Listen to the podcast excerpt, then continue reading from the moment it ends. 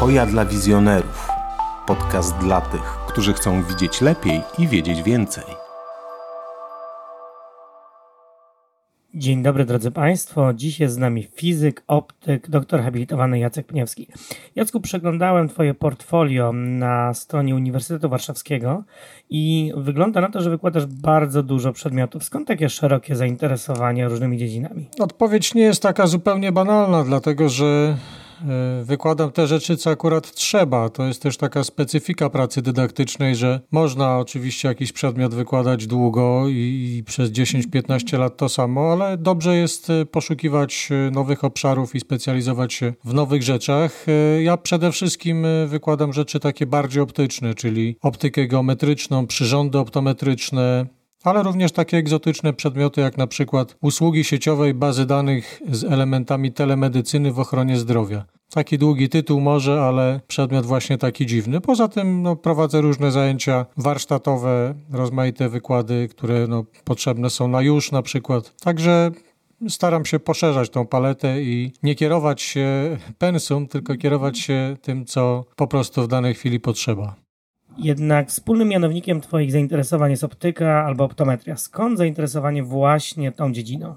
Myślę, że to jest e, no, to zainteresowanie takie zawodowe najsilniejsze, no, zgodne z wykształceniem pewnie. Natomiast no, poruszyłeś taką drażliwą nutę trochę w moim sercu, bo ta wielość zainteresowań to jest moje przekleństwo. Ja się zajmuję nie tylko optyką czy optometrią, ale również e, na przykład popularyzacją nauki, popularyzacją wiedzy o klimacie w szczególności. Jestem zaangażowany w taką w działalność nauki o klimacie e, jako taki wspierający członek. Interesuję się składem tekstu, poligrafią również, też składam rozmaite jakieś drobne periodyki, też mnie to fascynuje. Wizerunek y, czy kształt czcionki, czy fontu właściwie powinienem powiedzieć, bo to też są różne spory wśród y, tych typografów na ten temat. Y, więc to wszystko mnie jakoś bardzo interesuje. No i to przekleństwo polega na tym, że co jakiś czas coś nowego mnie zaciekawia i wtedy coraz mniej czasu zostaje na to, żeby realizować swoje zawodowe zobowiązania. To jest trudność pewna. To oprócz optyki, ekologii, typografii, jakie masz jeszcze zainteresowania? No wiesz, też i sportem się interesuję i to też są różne sporty w zależności od tego, co w danej chwili jestem w stanie zrobić, a zwykle no im człowiek jest starszy i ma więcej obowiązków, to tym mniej czasu jest na to. Ale też oglądam różne zawody i staram się jakieś własne pasje realizować w tym kierunku.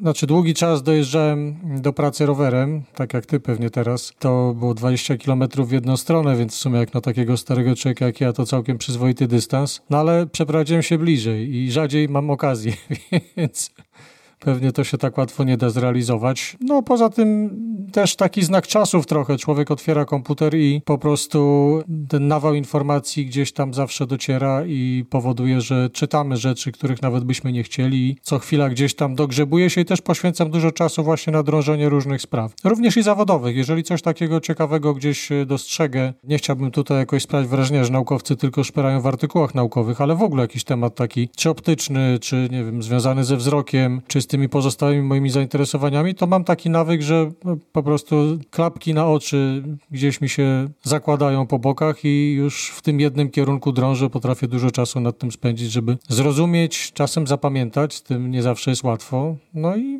tak powiem, w ten sposób się poszerzam i tracę czas, można powiedzieć. Podczas jednego z naszych spotkań wspomniałeś, że w dosyć młodym wieku dostałeś pierwszy komputer i spędzałeś z nim po kilkanaście godzin dziennie. Czy dalej została ci taka fascynacja komputerem? Ja kiedyś, jak e, zaczęły się te moje fascynacje, to widziałem swoją przyszłość w takim programowaniu dla nauki. To znaczy, pro, pisałem masę programów, które liczyły coś, takich drobnych i większych programów obliczeniowych, i to mnie fascynowało. Ja pracownię komputerową na Wydziale Fizyki oblegałem od 1990 e, chyba drugiego roku, czy pierwszego nawet, już nie pamiętam w tej chwili. I e, no, mieliśmy takie wręcz dyżury, bo komputerów było za mało. Jak ktoś wychodził do toalety, to drugi pilnował mu miejsca, żeby ktoś nie podsiadł, ale w związku z tym po prostu siedziało się od rana do wieczora i cały czas coś takiego robiliśmy. Również na potrzeby pracowni, znaczy to były nasze jakieś pomysły oczywiście, no i to tak trochę zostało. Ja mam masę wspomnień związanych z programowaniem i nawet ostatnio, jak przy jakimś projekcie musiałem w Pythonie coś napisać, no to z ogromną przyjemnością, nie mogłem się oderwać w ogóle, że to wciąga. Tak jak modelarstwo niektórych, też mam kolegów modelarzy, to i taka programowanie też wciąga. Takie amatorskie, bo domyślam się, że jak ktoś zawodowo pisze, to może mieć dosyć, ale tak amatorsko to bardzo wciąga. Czy mógłbyś krótko powiedzieć o najciekawszych projektach, które koordynowałeś, w których brałeś udział, a może o takich, które teraz koordynujesz albo nad którymi teraz pracujesz? Y, robiliśmy eksperymenty, mm, właściwie rękami doktorantów robiłem, mogę powiedzieć, bo to jest tak, że ktoś to w końcu musi zrobić. Takie rzeczy jak mikroskopia, czy badanie soczewek kontaktowych, czy też nawet takie sprawy wydawałoby się z punktu widzenia optometrycznego oczywiste, czyli pomiary autorefraktometryczne. To jest coś, co mnie cały czas e, fascynuje, że to jest taka technika, którą uważa się za mało dokładną i za taką, która może służyć jako punkt wyjściowy do różnego typu pomiarów, nie może stanowić podstawy recepty okularowej ale okazuje się, że ona pozwala na dostrzeżenie wielu ciekawych zjawisk wewnątrz oka, bo na przykład takie zjawiska jak pewnego typu czy różnego typu fluktuacji akomodacji, czy na przykład ruchy oczu, które przekładają się na ten pomiar, no to jest coś, co warto byłoby badać, bo to też jest wskaźnik pewnych procesów, które dzieją się wewnątrz oka i na podstawie pomiarów nawet zwykłym autorefraktometrem, dobrze wiedząc jak działa, czyli znając budowę tego urządzenia znając różne takie smaczki i specyfikę, można naprawdę wyciągnąć bardzo dobre rezultaty, pamiętając oczywiście, że on bada refrakcję, a nie ostrość wzroku. W związku z tym, prawda, później trzeba pewnej korekty w stosunku do tej refrakcji podmiotowej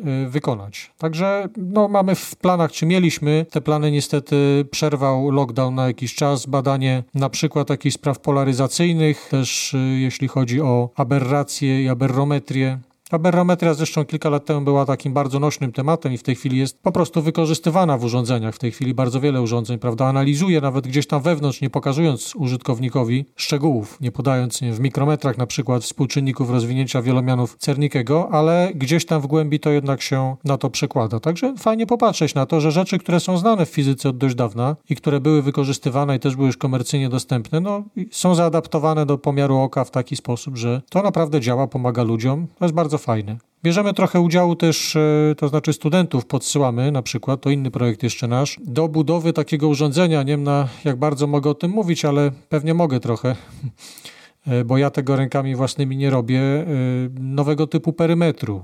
Też jest ciekawa sprawa, prawda? Tutaj perymetr bada czułość w taki klasyczny, wydawałoby się, sposób i sama perymetria, mikroperymetria to są rzeczy dosyć długo już znane, ale okazuje się, że można to zrobić w nowy sposób i e, w ten nowy sposób może coś ciekawszego, jeśli chodzi o czułość i funkcjonowanie siatkówki można by znaleźć. Mamy projekty też e, związane ze sztuczną inteligencją, która w tej chwili jest taka bardzo nośna. W wielu szkołach, również na naszym wydziale powstają takie centra, gdzie po prostu będą pracować no najprawdopodobniej informatycy, którzy mają pojęcie o tym, jak wygląda sztuczna inteligencja w zastosowaniu do nauki, do takich pomiarów, do rozpoznawania różnych cech. Nawet w naszym kraju są już jakieś tam systemy do rozpoznawania w miarę automatycznego, czy retinopatii cukrzycowej, czy jaskry. Mamy nadzieję takie rzeczy rozwijać i mimo tego, że nasze środki są bardzo skromne, bo pamiętajmy, że firma Alphabet, czyli właściciel firmy Google, wydał 400 y, chyba milionów, czy 100 milionów dolarów, przepraszam, nie, nie pamiętam kwoty, to, to są za duże kwoty, kwoty, żebym ja się orientował w nich. Ja się orientuję raczej w niedużych kwotach, takich bliżej mojej pensji. W każdym razie no, kilka lat temu zakupili za 100, chyba 100 milionów dolarów firmę, która rozkręciła masę sztucznej inteligencji w Google. To, że korzystamy teraz z Google Translate o wiele lepiej niż kiedyś, to jest też zaleta po prostu gigantycznych pieniędzy włożonych w rozwój tego typu oprogramowania. A czy istnieje obecnie jakiś nowy trend w kierunku badań nad optyką i optometrią? Żeby integrować pomiary optometryczne z pomiarami zupełnie innymi. Może na przykład, nie wiem, ortopedyczne, może na przykład pomiary jakichś bardzo specyficznych parametrów. To jest coś, co też jest dosyć ostatnio dobrze rozwijane, bo to jest taki mechanizm z zakresu big data, czyli gromadźmy dużo danych, gromadźmy dużo danych, bo w gruncie rzeczy nie wiemy, czy tam w tych danych nie ma czegoś ciekawego i to jeszcze nie wiemy, czego szukamy, ale chcielibyśmy zebrać tak dużo rzeczy, że w pewnym momencie możemy coś my albo pewne algorytmy poszukujące mogą to znaleźć. Taki sposób postępowania wydaje się bardzo brutalny. Wydaje się, że to jest takie, powiedziałbym, mało eleganckie że powinniśmy przemyśliwać, mieć koncepcję, tę koncepcję udowodnić. I to jest inna zupełnie koncepcja prowadzenia badań naukowych. Można zbierać na przykład y, dane dotyczące temperatury, można zbierać dane dotyczące jakichś takich zwykłych zupełnie parametrów i ta statystyka w pewnym momencie, jak się robi duża grupa, to zaczyna pracować w bardzo ciekawy sposób. Na przykład, nie wiem czy wiesz, y, nie wiem czy słuchacze wiedzą, ale temperatura ludzkiego ciała się obniżyła. I to dosyć istotnie, na przestrzeni ostatnich kilkudziesięciu lat. Ten y, standard 36,6 jest nieaktualny aktualny. I ja nie jestem medykiem, ale to nie jest z zakresu medycyny, tylko to jest z zakresu po prostu takiego data science. To medycy zaczęli zbierać e, te dane. Bardzo ciekawe, bo zbierali na przykład w Stanach Zjednoczonych, gdzie notowano codziennie temperatury pacjentom w rozmaitych takich ośrodkach terapeutycznych. Czyli oni nie byli chorzy, to nie były podwyższone temperatury szpitalne, tylko po prostu ludzie starsi albo mający jakieś tam, prawda, kłopoty, czy umysłowe, czy jakiekolwiek inne. No i te temperatury zbierano, czy w tych ośrodkach i właśnie w ostatnich latach przeprowadzono kilka takich badań typu big data, zbierano te dane i okazało się, że temperatura przeciętna ludzkiego ciała to jest niższa. Nie bardzo wiadomo, z czego to wynika. Podejrzewa się, z tego co czytałem, że mamy mniej stanów zapalnych, bo mamy po prostu wyższą higienę i używamy dosyć dużej ilości środków takich przeciwdziałających infekcjom i że to jest ta przyczyna. Ja nie mam pojęcia, nie znam się na tym, ale jest to właśnie ciekawa obserwacja. Gdyby nie zbierano tych danych, nie wiedząc o tym, co się pokaże, prawda? No bo wydawało się, że po prostu ta temperatura jest tyle, 36,6 i koniec. Gdyby tego nie robiono, to byśmy po tych kilkudziesięciu latach nie wiedzieli, że taki trend istnieje. No i to samo prawdopodobnie będzie tutaj. Mamy w tej chwili ogromne możliwości. Nawet gdybyśmy zbierali, w tej chwili zbiera się zresztą, są dostępne bazy danych, danych, na przykład ruchów oczu. Ludzie no, sprzedają czy udostępniają czasami y, po prostu bazy danych z eye trackerów. Po co? No znów właściwie to tak z gruntu nie wiadomo po co, znaczy nie wiadomo czego tam chcą, co, co tam chcą znaleźć. Ale jeżeli mielibyśmy do ruchów oczu, do tych baz danych, mielibyśmy jakieś dodatkowe informacje na temat na przykład jakichś charakterystycznych schorzeń, no to oczywiście w pewnym momencie możemy dostrzec pewne prawidłowości, które może wyczuwamy już w tej chwili, bo jak zapytasz, czy sam jesteś optometrystą, to wiesz na pewno, że rozmaite schorzenia się manifestują po prostu, no różnie, przez ruchy oczu, przez ruchy głowy, prawda, ten układ nerwowy jednak steruje tym całym układem wzrokowym w taki sposób, że pewne charakterystyczne rzeczy widać. W jednym z naszych spotkań poruszaliśmy temat, czy maszyny zastąpią optometrystów. Jak Ci się wydaje, w jakim kierunku to wszystko będzie zmierzać? Czy rzeczywiście maszyny zastąpią optometrystów? Sądzę, że nie mamy odwrotu od takiej sytuacji. Jak dokładnie to będzie wyglądać, to trudno powiedzieć, ale technicznie rzecz biorąc, bardzo wiele elementów badania optometrycznego da się przeprowadzić pod mniejszą bądź większą kontrolą optometrysty zdalną, czy też wręcz prawie że automatycznie. I wydaje się, że tutaj no, pewna szansa jest w tym, y, nie taka, że wyrugujemy optometrystów czy optyków z tego wszystkiego, tylko mamy szansę na to, żeby no, to także i okulistów pewnie trochę to dotyczy, jest szansa objąć po prostu opieką większą liczbę osób, albo żeby częściej to robić na przykład. Wiesz, są takie czasami banalne rzeczy. Na przykład mało kto sobie zdaje sprawę, że z tych sklepów typu Google Play czy Apple też ma jakiś taki sklep z aplikacjami. Istnieje cały szereg aplikacji, które służą tylko do tego, żeby przypomnieć o konieczności zakroplenia sobie leku do oczu, albo wzięcia tabletki, albo czegokolwiek innego. Okazuje się, że jest to wielki problem. Tutaj też miałem sygnały, nawet recenzowałem jakiś wniosek o dofinansowanie tego typu aplikacji. Okazuje się, że według różnych badań po prostu ludzie nie biorą leków. Więc y, nawet taki element już można zautomatyzować i już takie systemy są, prawda? Mamy w tej chwili otwartą możliwość tego, żeby urządzenia diagnostyczne po prostu człowiekowi przypinać. Zaczyna się internet rzeczy, zaczynają się tak zwane wearables, czyli te urządzenia elektroniczne, które po prostu zakłada się na siebie. Począwszy od zegarka, tak? No ja mam zegarek, który jest całkiem niedrogi, a który do mnie gada i pilnuje mnie z różnymi rzeczami znaczy człowiek czuje się taki trochę osaczony chwilami, prawda, i ma ochotę zdjąć i zdejmuje, ale to jest prosty zegarek, a są rzeczy, które są zdecydowanie bardziej wyrafinowane i współpracują też z innymi technologiami. Pamiętajmy, że społeczeństwo będzie się starzeć, a społeczeństwo polskie w ogóle w tej chwili bardzo się starzeje szybko. Te wskaźniki odtworzenia są bardzo niskie i po prostu się zwijamy. Tutaj ja się nie znam na tym, mogę o liczbach tylko jakoś tam się zastanawiać nad tym, skąd to się bierze, ale to takie są fakty, to jest publikowane przez GUS i im ludzie są starsi, to tym te potrzeby wzrokowe po prostu będą obejmowały większą grupę ludności. Także jak najbardziej w te klimaty takie telemedycyny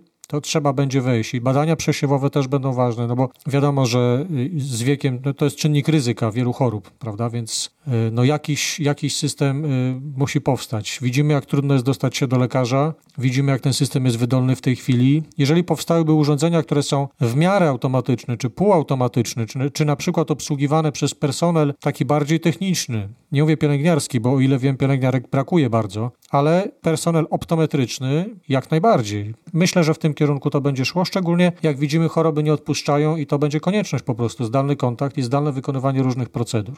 W wielu artykułach, wykładach, również podczas rozmów prywatnych poruszasz tematykę klimatu. Dlaczego ten temat jest Ci tak bardzo bliski?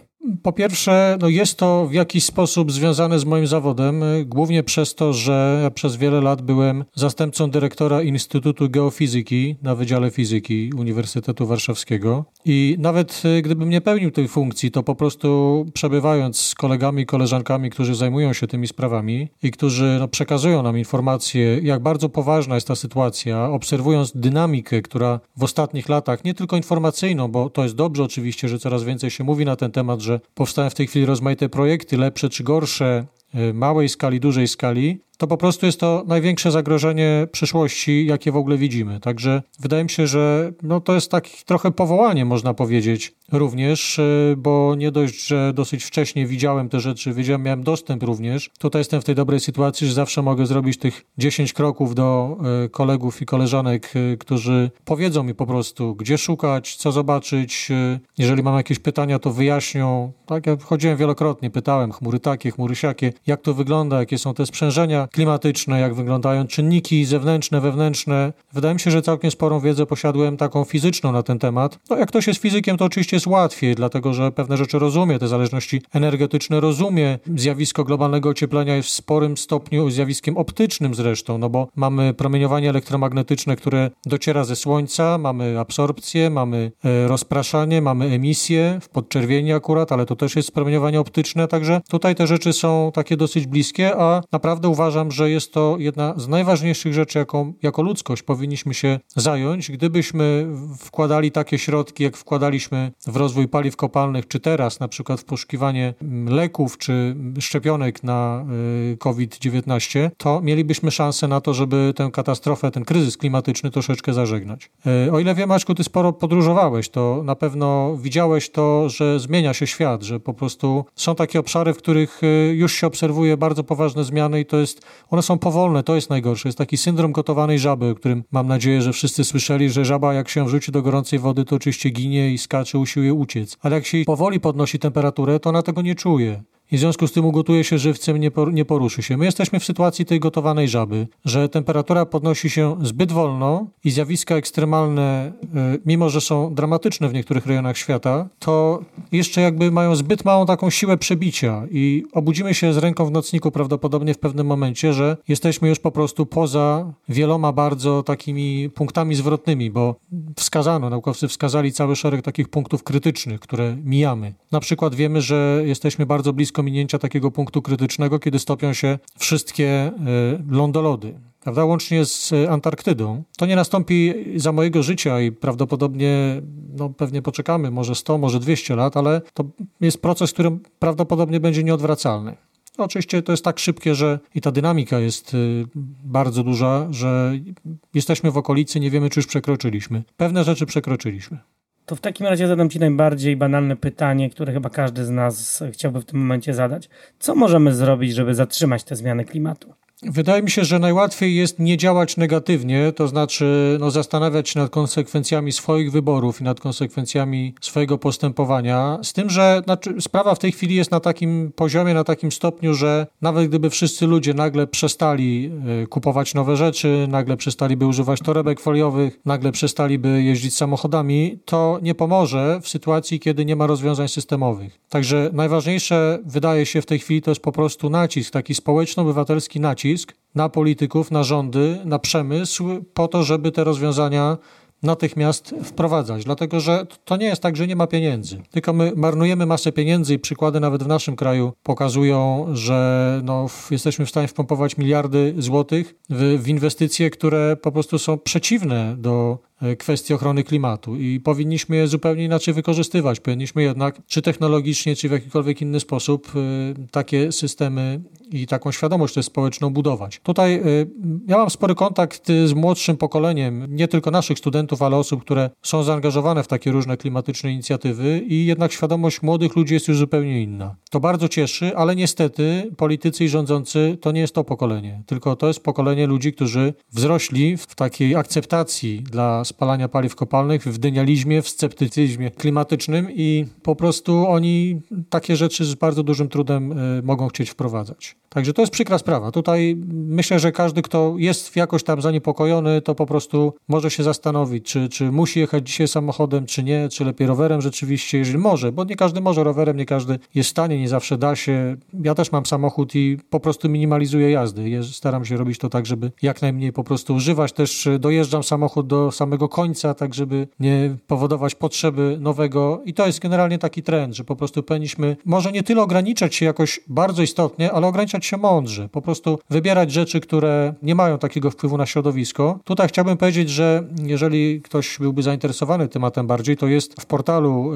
y, grupy naszej naukaoklimacie.pl jest bardzo ciekawy jeden z artykułów na temat diety. Okazuje się, że hodowla przemysłowa zwierząt czy też różne typy hodowli mają niezwykle duży ślad węglowy i bardzo negatywny wpływ na środowisko. I tam jest porównanie, są obliczenia i no niestety hodowla przemysłowa zwierząt y, to jest rzecz właśnie, to, to jest taki wybór, który można byłoby podjąć. On może nie być prosty, ale mnóstwo wyborów podejmujemy świadomie, prawda, wiedząc, że coś jest mniejszym złem na przykład i to warto zrobić. No też rezygnujemy czasami z komfortu na rzecz pewnych rzeczy, prawda, takich światopoglądowych i to jest całkiem okej. Okay. Jako jeden z czynników negatywnie wpływających na klimat wskazałeś hodowlę zwierząt na mięso. W takim razie, czy sam zrezygnowałeś z mięsa, czy jesteś weganinem, wegetarianinem? No ja zrezygnowałem z mięsa jakiś czas temu, to już parę lat będzie, yy, całkiem. Z produktów mlecznych, jajek, no też właściwie, jakieś tam śladowe ilości można powiedzieć. W domu właściwie nie mamy mleka takiego krowiego, tylko wyłącznie mleko sojowe, ryżowe,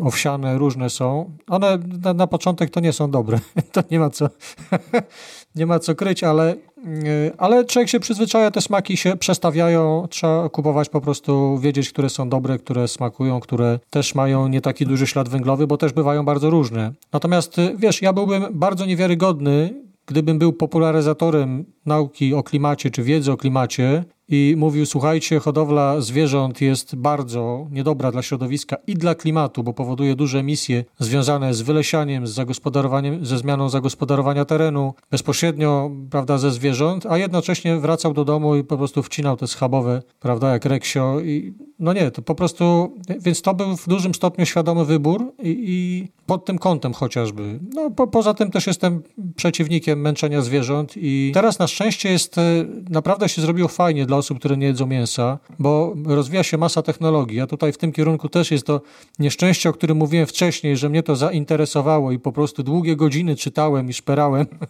w różnych miejscach. No w tej chwili jest ponad rok czy półtora roku temu było około 10 technologii produkcji zastępników mięsa, takich alternatyw, głównie z białka roślinnego, ale nie tylko, bo na przykład jest taka fińska firma Solar Foods, która produkuje e, z takich e, mikroorganizmów, które niby są zwierzętami, ale potrafią fotosyntetyzować. I oni w jakimś bioreaktorze robią taką mączkę właściwie, która jeżeli to się wszystko wdroży i przyjmie, to zastąpi spokojnie tą soję importowaną, prawda, z innych krajów i będzie można, każdy będzie mógł tak naprawdę na własnym podwórku coś takiego, znaczy każdy kraj, bo to nie jest oczywiście takie, że w każdym domu stoi, ale tego typu instalacje będzie można sobie otworzyć i te organizmy żywią się dwutlenkiem węgla z powietrza, po prostu tak jak rośliny pobierają go, wbudowują w siebie. No i oni tam je genetycznie zmodyfikowali, żeby się to działo szybko, bo w tym jest największy problem i w rezultacie dostają coś takiego, co będzie po prostu tanie. I to będzie tak, moim zdaniem, w pewnym momencie te rzeczy będą tańsze niż mięso, bo zauważmy, co się dzieje w tej chwili, yy, na przykład choroby zwierząt, tych, szczególnie w tych hodowlach przemysłowych, prawda, te świńskie grypy najrozmaitsze, ptasie grypy i podobne,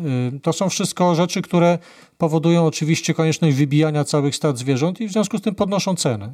E, dwa lata temu było tak zwane forum wołowiny. To jest takie zgromadzenie no, producentów wołowiny, którzy narzekali na to, że nie dość, że styl życia się zmienia e, na zachodzie już nie ma takiego eksportu tej wołowiny, a wołowina z Polski no, jest e, eksportowana dlatego, że jest droga jak na nasz rynek. Ludzie wolą jednak te najtańsze kurczaki, ale widać, że coś się zmienia. No i do tego dochodzi jeszcze właśnie to, że cena prawda, będzie rosnąć najprawdopodobniej. A jak będzie rosnąć cena, no to w pewnym momencie się okaże, że taniej jest kupić dobry kotlet, tak zwany wegański, który smakuje prawie tak jak mięso. Poza tym wiesz, no tak naprawdę mięso nie smakuje, smakują przyprawy do tego mięsa. Nikt nie je surowego mięsa przecież, tylko przyprawione. Więc w pewnym momencie to będzie tańsze, a jak widzimy, jak wzrastają koszty w ogóle życia, to się może okazać, że to będzie konieczność. Gdybyś sobie wyobraził, że jednak nie pracujesz naukowo, to co byś w życiu robił? W którym kierunku byś się rozwijał? Wiesz, jakbym przestał pracować w tym zawodzie, co w tej chwili, to spokojnie zająłbym się majsterkowaniem. Ja mógłbym być stolarzem bez najmniejszego problemu. Ja pracuję w drewnie, robię różne rzeczy. To mi sprawia przyjemność, gdyby nie to, że jestem e, uczulony na te różne olejki eteryczne i po prostu nie mogę pracować w stolarni, to kto wie, czy bym nie skończył w ogóle w stolarni, bo mnie to fascynuje. Oglądam pasjami film, jak się robi różne rzeczy i później staram się to odtworzyć, jak mam jakąś drobną chwilę czasu. Także mebli zrobiłem trochę w życiu, stoły przerabiam. No taki, powiedziałbym, w planie właśnie mam kolejny zestaw takich specjalnych regałów do garażu do zrobienia. Z sąsiadem stawiamy jakieś ściany. Także no, to chyba takie najbardziej, można powiedzieć, takie majsterkowanie właśnie. Jacku, bardzo Ci dziękuję za pasjonującą rozmowę. Przypomnę, że był z nami doktor habilitowany Jacek Pniewski. Bardzo dziękuję. Do zobaczenia i do usłyszenia. Hoja dla wizjonerów. Podcast dla tych, którzy chcą widzieć lepiej i wiedzieć więcej.